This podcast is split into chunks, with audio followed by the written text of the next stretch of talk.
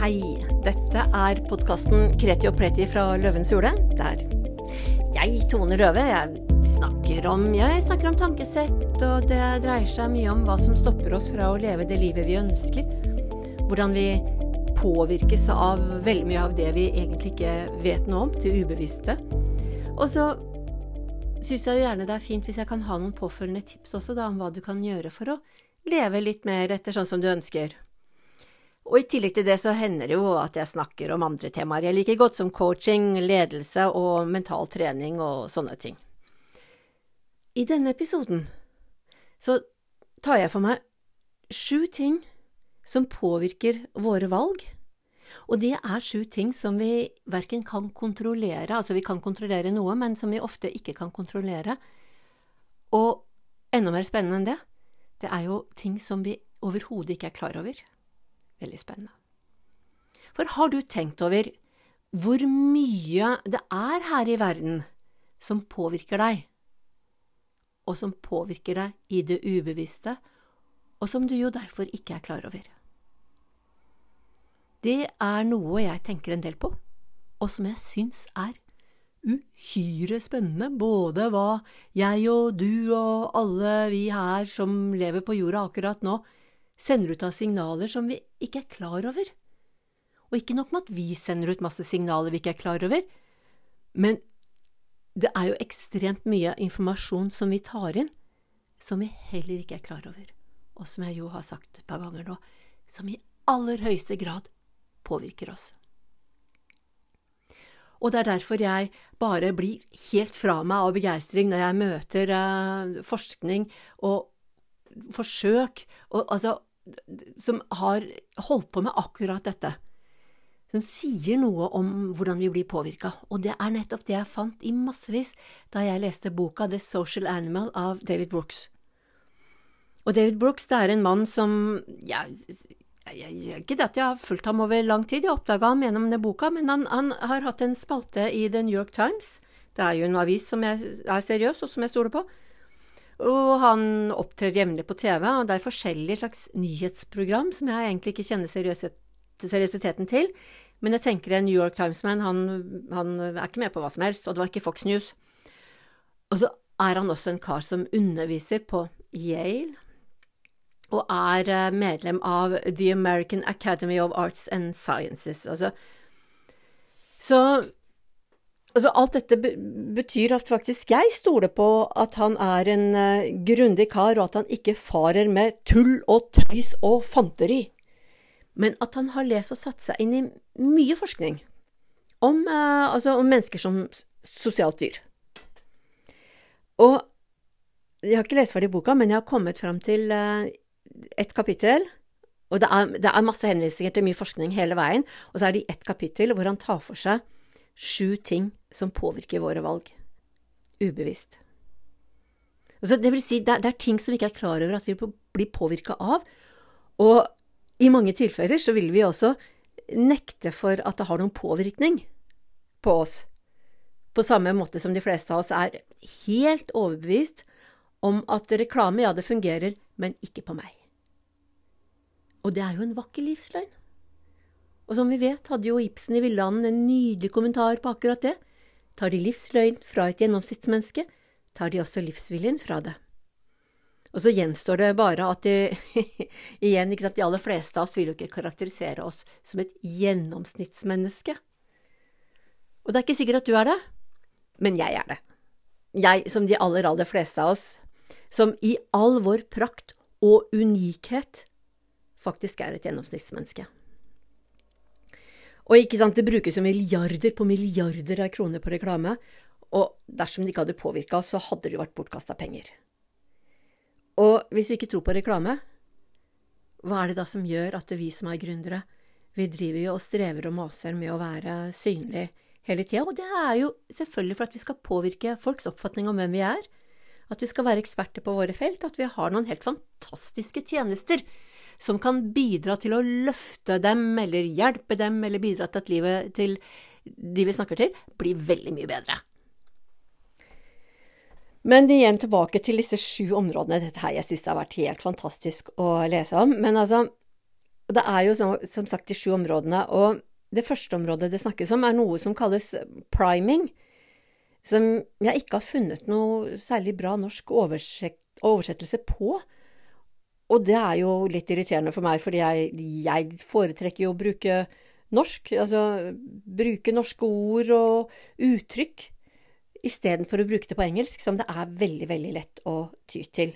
Veldig vanlig å bruke og flette masse engelsk inn i, i språket vårt. Og um, det er jo opp til hver enkelt, men jeg, jeg, har tatt et aktivt valg. At jeg vil være glad i språket mitt, jeg vil være glad i norsk, og jeg vil bruke det aktivt. Sjøl om det ofte hadde vært lettere og kanskje høres litt mer um, schwungen og morsomt ut uh, om jeg hadde brukt engelsk. Men nok om det. Tilbake til priming, uh, som i denne sammenhengen dreier seg om hvor viktig ordbruken er, altså hvilke ord vi bruker. Og det har blitt testa i USA, for det er jo der forfatteren bor, så det er naturlig at han bruker, uh, bruker forskning og forsøk fra USA. Og det som er spennende, ikke sant, her har de uh, tatt inn noen altså forsøkspersoner, og så blir de bedt om å lese en rekke ord som assosieres med å være gammel. Altså bingo, gammel Florida, som i USA jo er pensjoniststaten, sånn at Florida kan jo lett assosieres med, med gammel. Og når de har fått disse forsøkspersonene til å lese ord som assosieres med gammel, så ser de at de går ut av rommet saktere enn det de gikk inn. Med en liten nyanse. Veldig spennende. Og, og det samme altså Dersom de da har fått ord som assosieres med å være aggressiv, sånn som det kan være uforskamma, irriterende, påtrengende, så ser de at de vil ha en større tendens til å avbryte andre etter at eksperimentet tilsynelatende er over. Og dette er bare ord som hjernen vår tar inn, som sklir inn i det ubevisste, og som da påvirker atferden vår. Og tenk på alle de ordene vi er omringa av absolutt hele tida. Og det er også litt spennende, fordi jeg har testa ut uh, uh, at vi mennesker vil gjøre det bedre i tester eller uh, i øvelser om vi blir fortalt historier om gode prestasjoner rett i forkant. Bare å bruke ord som suksess, mestre og oppnå i setninger rett i forkant vil bidra til at vi gjør det bedre. Språk er viktig. Og så kan du ha eh, Altså på andre sida så kan du oppnå tilsvarende også om du spiller på stereotypier, for eksempel.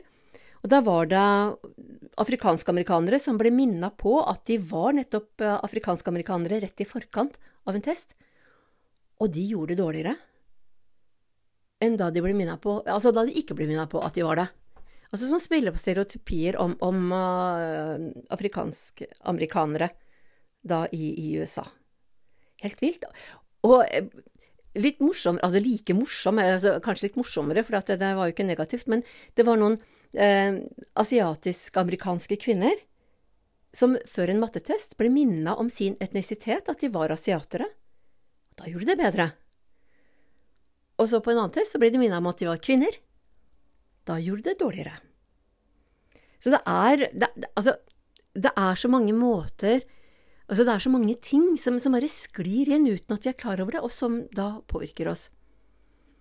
Og andre måter det fungerer på Jeg bare drøsser på med eksempler igjen, for jeg synes jo dette her For meg er dette en fest, og jeg håper at hvis du følger med så langt, så skal jeg love deg at det blir veldig mye mer av akkurat dette. Disse eksemplene som, som viser uh, Ja, nei, jeg, jeg er litt oppglødd, og det er fordi at jeg synes dette her er så innmari artig. For det er altså Et annet eksempel er en studentgruppe der noen av studentene ble bedt om å skrive ned de tre første tallene i telefonnummeret sitt. Og etter at de hadde gjort det, så ble alle studentene bedt om å, å gjette når Djengis Khan var født. Ikke sant? Og da var det de som hadde bedt, blitt bedt om å skrive ned de tre første numrene sine. Der var det en stor, stor flertall som gjetta på tre sifre, altså at de var født før uh, årtusen. Og, og også med tresifra dødsår, da. Og Djengis Khan han var jo født sånn ca. 1167 og levde til 1227. Men det er bare hva Altså, disse helt nyansene og småtingene, bagatellene, som jo påvirker hvordan vi tenker. Um, og så er det jo en annen type um, påvirkning som kalles Altså anchoring på engelsk, da, som jeg har oversatt til, til kjeding. Uh, og det dreier seg om rett og slett at informasjon sjelden kommer aleine. Og vår oppfatning av det som blir sagt, påvirkes jo av hvilken sammenheng det blir sagt i. Og, og det er jo egentlig ganske enkelt å, å skjønne og forstå. Altså, hvis du har uh, at hvis du har en vinflaske på polet som, som, koster 300 kroner, så virker jo ikke den spesielt dyr når vi sammenligner med en flaske til 1200 kroner. Samtidig som den flaska til 300 kroner virker jo veldig fin og eksklusiv, hvis du sammenligner den med en flaske vin til 100 kroner. Så der er det jo lett å skjønne at vi blir uh, påvirka. Og, og, det som er morsomt her, vet du, det var en uh, amerikansk uh, biljardbordselger av alle ting. Tenk å ha en forretning som bare selger biljardbord. Vi har kanskje det i Norge også, men, men, i USA så er det i hvert fall plass til det, altså. Og han uh, ville leke seg litt, så ei uke bestemte han seg for at han skulle vise kundene uh, Altså, når en kunde var ute etter biljardbord, så viste han ei uke det billigste biljardbordet først. Og det kosta 329 dollar. Og så gikk han oppover til de dyre helt til han kom til de dyreste til slutt. Og den uka, da satte han biljardbord, eh, og da var det en Altså sånn Til vanlig pris, eller gjennomsnittsprisen, ble 550 dollar. Uka etter bestemte han seg for at han skulle starte med det dyreste biljardbordet til 3000 dollar, og så ta med kunden videre nedover til det billigste, da, som kastet 329 dollar. Den uka så var gjennomsnittsprisen på over 1000 dollar. Altså, her er det snakk om nesten dobbelt så mye, fordi han begynte i den dyreste enden, og at hele den derre Altså, hva han sammenligna med, bidro til at, altså, til at folk valgte da et dyrere biljardbord. Så bare så små bagateller kan ha en sånn type påvirkning. Så kan man jo godt si at ja, men det kan jo ha vært masse tilfeldigheter med bildet her. Og det kan det jo også være, men når det var så stor forskjell, så tror jeg at den påvirkningsdelen spiller en ganske stor rolle, altså. Så har vi en tredje type påvirkning som uh, kalles framing på engelsk, eller innramming, uh, som jeg har valgt å kalle det på norsk. Der hver eneste Altså hvert valg, altså hver avgjørelse, som da blir uh, ramma inn på forskjellig måte. Ikke sant? Dersom en kirurg forteller en pasient at det er 15% sjanse for at det går galt, så vil pasienten sannsynligvis si nei til operasjonen. Men Dersom legen sier at det er 85% sjanse for suksess, da vil pasienten mest sannsynlig gå for operasjon. Rett og slett hvordan du omringer. Hva er det du legger oppmerksomheten på? ikke sant? Er det, er det risiko for at det går galt, eller er det sannsynlighet for suksess? Det er så viktige små nyanser for hvordan vi oppfatter og hva, hva vi velger, da. Um, Litt morsommere, og for så vidt også veldig gjenkjennbart, er det når vi ser Altså hvis vi kan se en vare vi, vi liker veldig godt i hylla, um, som det er fint å ha i skapet. Jeg, jeg har en tendens til at når jeg ser hakka tomater, ikke at jeg er kjempeglad i det, så tar jeg jo gjerne flere bokser av gangen. To-tre bokser. Og det gjør flere av oss, at når det er en vare vi liker godt, så tar vi en eller to av den varen og legger i handlevogna. Men dersom det står et skilt som sier at hver kunde ikke får til å ta med seg mer enn tolv av den varen, så er sannsynligheten for at vi legger oppi fire eller fem av den varen i handlevogna veldig stor. Det er litt gøy. Vi er litt lette å lure. Limited edition. På dopapir. Ja da, det har vært mye av det. Uh, og folk lar seg lure. Jeg syns det er kjempegøy. Altså, litt, skum, litt skummelt er det, men også morsomt. Og så er det da et eksperiment som ble gjort av en kar på dette her, som heter Dan Ariely. Der ba han studenter om å skrive ned de to siste sifrene på altså sitt Social Security Card på ID-kortet sitt. Det er ikke helt det samme som jeg har skrevet her. Og så skulle de deretter by på, på forskjellige produkter. Og du skjønner vel egentlig tegninga her, lett å ettersette hva som skjedde? Jo, ikke sant? Studenter med høye sifre, som de to siste sifrene på ID-kortet, mellom 80 og 99, de bøy i gjennomsnitt 56 dollar for et trådløst tastatur. Men studentene med lave sifre, liksom sånn fra 1 til 20, bøyer gjennomsnitt 16 dollar. Ja, de hadde jo dette Social Security-nummeret som en sånn ramme for um, liksom hva som var greit å bruke av, av penger. Som, som sagt, små innfløkte påvirkninger som er. En, en, fjerde påvirkning dreier seg om at vi jo alltid lager fortellinger i hodet vårt om hva som kan komme til å skje. Og det påvirker også forestillingen om, om hva, som, hva, som, virkelig skjer. Hvis du gir noen en håndkrem og forteller at den vil minske smertene, så bygger du noen forventninger som vil slå til i de aller fleste tilfeller. Og igjen et forsøk. Det var mennesker som fikk, eh, altså, som fikk resept på smertestillende. Og de som ble fortalt at hver pille kosta 2,5 dollar, de opplevde en mye større grad av smertereduksjon enn de som fikk resept på pille der de ble fortalt at hver pille kosta 10 cent. De fikk mye mindre eh, smertereduserende effekt. Og alle pillene var placebo. Så det er noe med hvilke forventninger vi setter, og hva vi tror om produktet. Og det er ikke minst viktig for oss som er gründere, som syns det kan være krevende å prise produktene våre, tjenestene våre. Dersom vi har høy pris, så vil folk i utgangspunktet ha mye større tillit til at det er en god tjeneste, at det er et bra produkt som vi tilbyr. Det er mye lettere i teorien enn det er i praksis, i hvert fall øh, syns jeg det av erfaring. Men, øh, men uh, veldig interessant og utrolig viktig for oss da når vi skal prise varer og tjenester for oss sjøl. Den femte har jeg kalt for treghet. Det heter inertia. Uh, sånn fra engelsk. Og det, det, det, dreier seg rett og slett at uh, vi kan være litt late. At vi foretrekker å beholde Altså, ikke vi er litt late, men, men, tankene våre, tankesettet, og særlig det ubevisste, er litt lat. Tar gjerne noen snarveier, og er ikke så veldig glad i endringer. Altså, vi veit jo hvor krevende det er å endre vaner som sitter.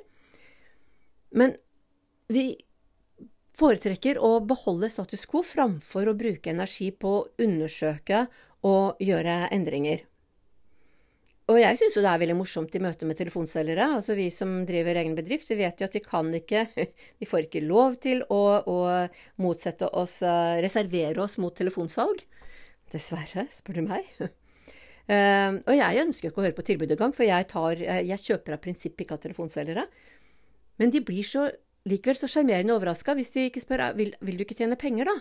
Vil du ikke spare penger? Og da svarer jeg også kjekt og greit nei, det er jeg ikke. Og da blir de litt satt ut, og det er mye lettere å avslutte, da. Men, men det er, altså, dette her er jo et bevisst valg fra min side, fordi at jeg ikke ønsker å, å kjøpe på telefonsalg. Men det er veldig mye sånn, altså hvis vi har eh, kjøpt en eh, Eksempelet som ble brukt her, da, det er at det var noen som hadde i sin første arbeids... Eh, altså, det første gang de var i arbeid, så kjøpte de en slags livsforsikring, en helseforsikring. Og selv om de da begynte å tjene bedre og egentlig kunne ha kjøpt en mye bedre helseforsikring, så, så, brukte de ikke tid og energi på å sette seg inn i det, og foretrakk å beholde liksom sin gamle, sin opprinnelige helseforsikring eller livsforsikring. da. Og det er jo litt sånn med oss også at det er jo, i hvert fall når det gjelder forsikring, så er det jo ikke mye fristende å gå inn for å finne ut av hva som er der, da. Men det er en annen sak. Og så er vi nå kommet til det jeg vil kalle en mer pirrende kategori. Liksom hva slags Den tilstanden vi er i, da, humøret, eller hvor, i denne, hvor opphisset, kåte vi kan være i, hvordan det kan utgjøre en forskjell. Og altså Undersøkelsen her var såpass slem mot eller det har kalt lite flatterende for menn, at jeg har tenkt at jeg skal la dem ligge. Noe av det det dreide seg om, det var rett og slett En av disse testene dreide seg om hvor de hadde sendt ut Banker hadde sendt ut brev og tilbud om lån.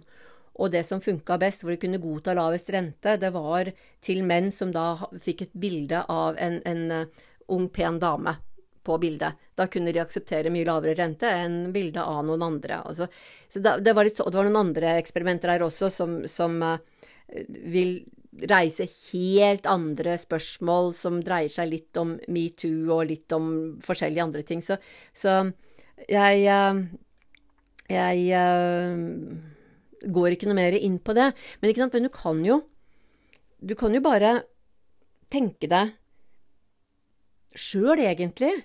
Hvis du er i en sånn tilstand og, og, kjenner deg Gud, nå er jeg liksom lekker og snerten og fin og freidig. Det er mye lettere å bruke penger på nye klær da enn når du føler deg litt sånn uflidd og oppblåst og kanskje ikke har dusja den dagen og litt fett hår og sånt nå. Det er veldig avgjørende for hva slags humør du er i, altså hvilke følelser som flyr, flyr igjennom, hvor lett du kan bruke penger, og hva du kan, hva du kan gå med på. Det samme også egentlig den gangen jeg kjøpte for meg som er så gammel. Vi var jo stoppa ofte av leksikonselgere på gata. Og ble bedt om å kjøpe Det store norske leksikon. Og da jeg kjøpte Det store norske leksikon, så ble jeg alltid spurt av de andre som smilte litt over den og sa var han kjekk, eller? Og det kunne jeg bare fortelle at det var en veldig hyggelig dame. Men det er jo sånn da at de unge, kjekke mennene de solgte jo som varmt hvetebrød til eh, unge jenter, ikke sant, og sikkert damer i alle aldre og for den saks skyld. Så det har noe med hvor mye lettere pengene sitter når vi kan føle oss en grad av tiltrukket av noen, da. Så det var eh, også for så vidt lett å forstå. Vi, det kjenner vi jo for så vidt igjen, da. Men så er det den siste kategorien, sjuende, som dreier seg egentlig om uh, den frykten for å tape uh, For så vidt tape penger, da. Det kan godt være tape ansikt også, men her, disse eksemplene her er å, om å tape penger. Uh, og at det er mer ubehagelig å tape penger enn det er behagelig å vinne penger. Litt sånn morsomt sagt, egentlig, der. Men Daniel Kahneman og Amos Tversky Daniel Kahneman er jo han kjente som har skrevet uh, 'Tenke fort og langsomt'. Og han har en uh, sånn forskerkompis som heter Amos Tversky, som, og de uh, har forska og gjort en del undersøkelser sammen. Men de har da spurt masse mennesker om det å vedde. Og der fant de ut at de måtte ha en mulighet for å vinne 400 kroner for å satse 200 kroner. Så det er, eh, det, det, da, da, må en sannsynlig, altså mulig gevinst være dobbelt så stor som muligheten for tap. Og det viser seg også, da, at så investorer de har uh, mye lettere for å selge aksjer som de har tjent penger på, av en eller annen grunn, enn det er lett å selge aksjer som de har tapt penger på. Og det betyr at de tar ofte ganske selvdestruktive valg, fordi at de, de ønsker ikke å avsløre tapene sine. De ønsker ikke å vise at de har aksjer som det nylig er tapt penger på. Fordi da avslører de jo at de har tapt penger, og det er ubehagelig. Så vi mennesker, altså Vi er jo noen rare og litt festlige dyr, egentlig. Men dette var sju faktorer, sju påvirkninger som vi er utsatt for i veldig stor grad, og som jeg vil anta at noen av dem har du kanskje skjønt at du kan la deg påvirke av. Men det gjelder selvfølgelig ikke deg, det gjelder jo alle andre. Ehm, men at det er da sju typer påvirkninger som er viktige for valgene du tar, da. Så den første var jo den, eh, den um, primingen, som jo uh, dreide seg om, om hvilke ord vi bruker, ikke sant. Dette med at uh, du går langsomt når du hører ord som assosieres med gammel, og, og, og, at du er mer aggressiv når du får ord som assosieres med, med, å være aggressiv. Og så har du da Den andre var jo kjedinga. Um, og det er jo dette med at vi Så når det gjelder prising, At hvis en vare står sammen med varer som er mye dyrere, så vil du oppfatte at den er billig. Hvis den står sammen med varer som er mye billigere, så vil du oppfatte at den er dyr. Det er uh, den type påvirkning. Og den tredje typen var uh, den innramminga, at uh, hva du legger vekt på i i, i, kommunikasjonen din, er det som gir oppmerksomhet. Er du legen, ikke sant, det hvis den legger vekt på, på sjanse for, for um, at det er risiko for at det går galt, så vil de sannsynligvis, selv om det bare er 15 så vil de sannsynligvis velge å si nei, kontra 85 suksess. ikke sant. Dette her var den, var den tredje type um, som var. Um, og fjerdepåvirkningen, dette her med at vi vi lar oss påvirke av disse fortellingene vi har i hodet, og her var det jo dette med den pilla til 250 som ga mye større effekt enn den til 10 cent. Og den der tregheten at vi foretrekker å beholde ting som status quo, det var femte påvirkningen. Og den sjette er jo den graden av humør og, og tilstand, hvor opphisset vi er, vil også avgjøre, være avgjørende for valgene vi foretar oss. Og den siste kategorien var jo å unngå tap. Så dette her påvirker oss veldig mye. Og det, jeg, jeg, tenker at det er smart å bli litt bevisst også. Da kan det være lettere å stå imot, eller i hvert fall være klar over det. Og jeg syns det er så utrolig fascinerende. Og det sier også så mye om oss, altså hvor mye mer vi mennesker er enn det vi enn det vi tror, da, enn det vi kan skjønne, fatte. Og det dreier seg jo mye om kraften i det ubevisste, alt det som gjemmer seg der, alt det som påvirker valgene våre og beslutninger som vi ikke er klar over at påvirker oss i det hele tatt. Og så tenker jeg også at når vi da blir klar over det, så det, kan det være enklere å jobbe med det. For oss som er gründere, hva er det som hindrer oss, hva som stopper oss i å ha den suksessen som vi ønsker oss? som vi lengter etter. Og alt det som hindrer oss, det gjelder Altså, det er jo i høyeste grad både alle de sju påvirkningene som jeg har snakka om her, men også hva som har hendt deg tidligere i livet. Hvilke erfaringer har du av ting som har, som har lagt seg i det ubevisste, og det, det driver og surrer og går i bakgrunnen?